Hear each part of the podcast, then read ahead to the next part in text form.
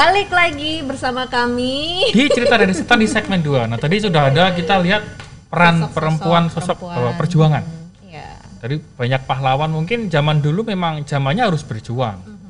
melawan penjajah. Tapi sekarang kita masih berjuang ternyata Si. Betul. Jurang, karena Si. masih ada kesenjangan. Iya, PR. Ada. Nah, tapi kan ada semangat-semangat nih yang Hmm. muncul pastinya dari terutama dari perempuan Indonesia Hmm. dan banyak banget sekarang yang masih muda ya bukan demos eh, sih bonus demografi Iya. ini ya Bu ya. Bagaimana sih Bu Ibu ngeliat eh, semangat perjuangan perempuan muda Indonesia atau semangat perempuan muda Indonesia saat ini? Eh, kalau saya melihat semangat dari perempuan muda betul-betul kita apresiasi ya. Karena apakah ini pengaruh globalisasi atau perkembangan teknologi sehingga akses untuk perempuan-perempuan muda itu sudah terbuka lebar ya sudah terbuka lebar. Dan satu hal yang menarik yang saya lihat justru mereka itu ada apa ya idealisme yang dibangun oleh anak-anak muda ini. Nah salah satu contoh saya pernah eh, datang ya salah satu anak padahal dia penyanyi ya walaupun Shana Shannon itu ya dia usia SMP karena dia pernah turun ke NTT itu punya ide punya di benaknya karena baca IG saya katanya dia menghadap ke kantor ketemu saya di kantor. Itu saya lihat komitmen yang luar biasa. Dari seorang perempuan muda seusia belia itu sudah ada komitmen untuk membentuk yayasan membantu sesama karena pada waktu dia ke NTT di salah satu daerah boleh dikatakan di pinggiran itu masih banyak anak-anak yang tidak sekolah seusianya dia karena tidak ada sarana prasarana. Kemudian ada sarana prasarana mungkin memotivasi mereka untuk sekolah itu belum ada pendampingan. Demikian juga masih banyak PR-PR ya trafficking itu ada di sana. Nah itulah kita banyak bercerita, kemudian mereka si anak ini ketika dia manggung dan sebagainya hasil panggungnya ini untuk kegiatan sosial itu artinya kan idealisme yang Iya. luar biasa. Demikian juga saya melihat eh, apa ya anak-anak muda yang kreatif dan saya melihat banyak juga usaha-usaha entrepreneur-entrepreneur perempuan muda yang berhasil. Salah satu Lead sama perempuan iya, ya Bu luar ya. biasa. Iya. Nah, salah satu juga yang di NTT ya, itu juga di ada dua hampir 2000 perempuan itu diberdayakan oleh dua nyam padahal mereka dari dari kelompok anak-anak muda, perempuan-perempuan muda ini memberikan pendampingan konsep hulu sampai hilir kepada perempuan-perempuan yang ada di daerah yang boleh kita katakan daerah tertinggal Tinggal. ya. Ya, Bagaimana dia punya ide menggali sumber daya alam di daerah itu yang ada, kemudian pendampingan kepada ibu-ibu untuk melatih menganyam dan sebagainya. Kalau kita bicara NTT, mungkin talent masyarakatnya di sana lebih banyak menenun, Iya. karena di sana itu sudah warisan Sudah turun temurun yang dilakukan oleh masyarakatnya. Di sini karena dia ada sumber daya alam yang dilihat ada potensi yang bisa dikembangkan, yaitu di, di- dilakukan oleh anak-anak muda ini yang tergabung dalam dua nyam ya itu saya memberikan apresiasi yang setinggi tingginya. Saya melihat saya bangga pada anak-anak muda yang sekarang tidak hanya mereka berpikiran apa me- berusaha untuk kepentingannya pribadi, tapi ada dibangun idealisme untuk membantu sesama, untuk membangun bangsa dan negara yang kita cintai ini. Nah, kalau misalnya ketika kita bicara terkait dengan prestasi perempuan di bidang olahraga, Mm-mm. Nah itu saya melihat Olimpiade kemarin itu kan perempuannya penyumbang medali hampir 37 persen lebih ya. Ini artinya di olahraga juga perempuan tidak boleh diragukan. Demikian juga di usaha-usaha. Ketika kita bicara masalah UMKM, UMKM itu kan penopang ekonomi baik di saat krisis apakah tahun 98 demikian juga di masa pandemi ini yang bisa bergerak menopang ekonomi itu kan perempuan. UMKM ya. Tapi ketika kita melihat UMKM itu hampir 60% lebih dikelola dan dimiliki oleh perempuan. 60%. 60% itu data. Nah, inilah yang artinya apa? eh, ketika kita melihat potensi yang luar biasa ada di perempuan, tapi saya juga cukup bersyukur kalau kami di Kementerian Pemberdayaan Perempuan dan Perlindungan Anak ini dari lima isu arahan Bapak Presiden, salah satunya itu adalah pemberdayaan perempuan di bidang kewirausahaan. Nah, kami ini fokus. Fokus kami adalah perempuan prasejahtera, perempuan kepala keluarga, perempuan penyintas, baik dia penyintas kekerasan seksual maupun penyintas bencana. Karena kalau yang lain-lain seperti UMKM kan ada Kementerian Koperasi UKM, Industri, Oh. Perdagangan.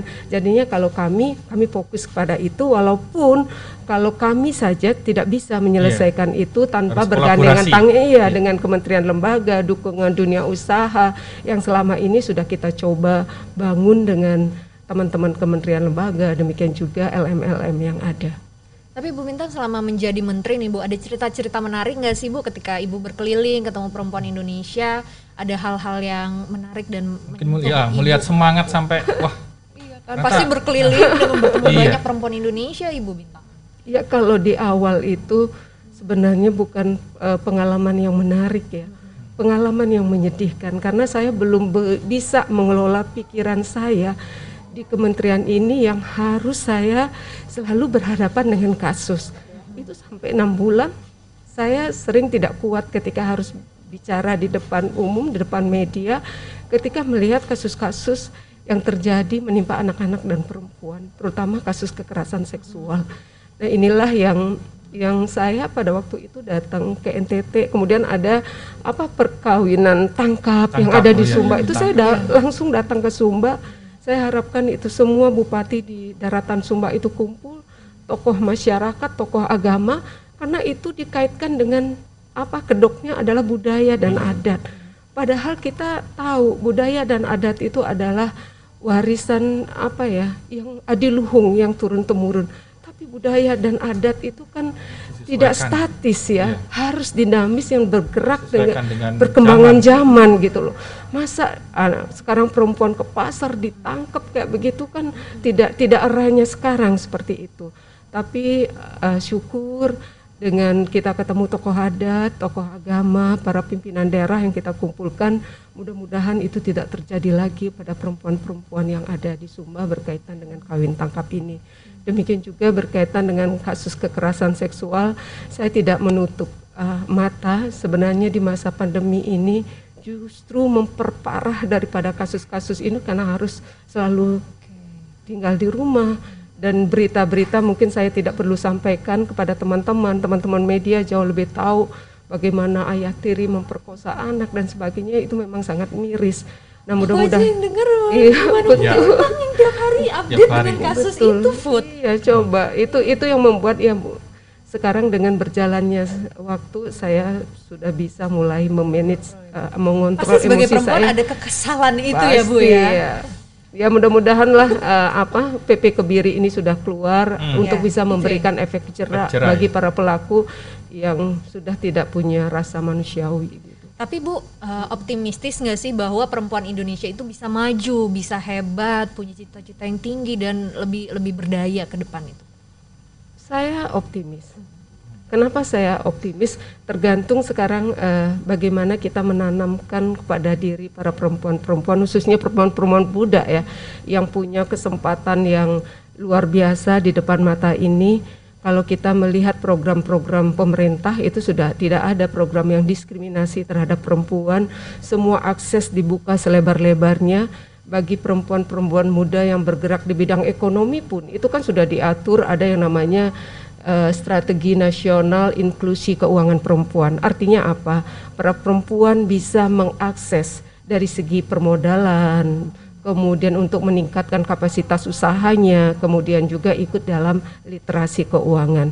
Demikian juga saya melihat banyak juga program ketika eh, dulu saya dampingi suami di KUKM yaitu ada pelatihan wirausaha pemula. Nah, Ini banyak sekali apa pendampingan-pendampingan asalkan kesempatan dan peluang ini dimanfaatkan sebaik-baiknya. Makanya saya ingin mengajak para perempuan-perempuan muda, ibu-ibu di seluruh pelosok tanah air ini eh, jangan sampai budaya membatasi prinsip-prinsip progresif, pemikiran-pemikiran progresif yang bermanfaat. Artinya apa? Kita hormat dengan budaya dan adat, tapi jangan itu menjadi kedok untuk kita tidak bisa apa?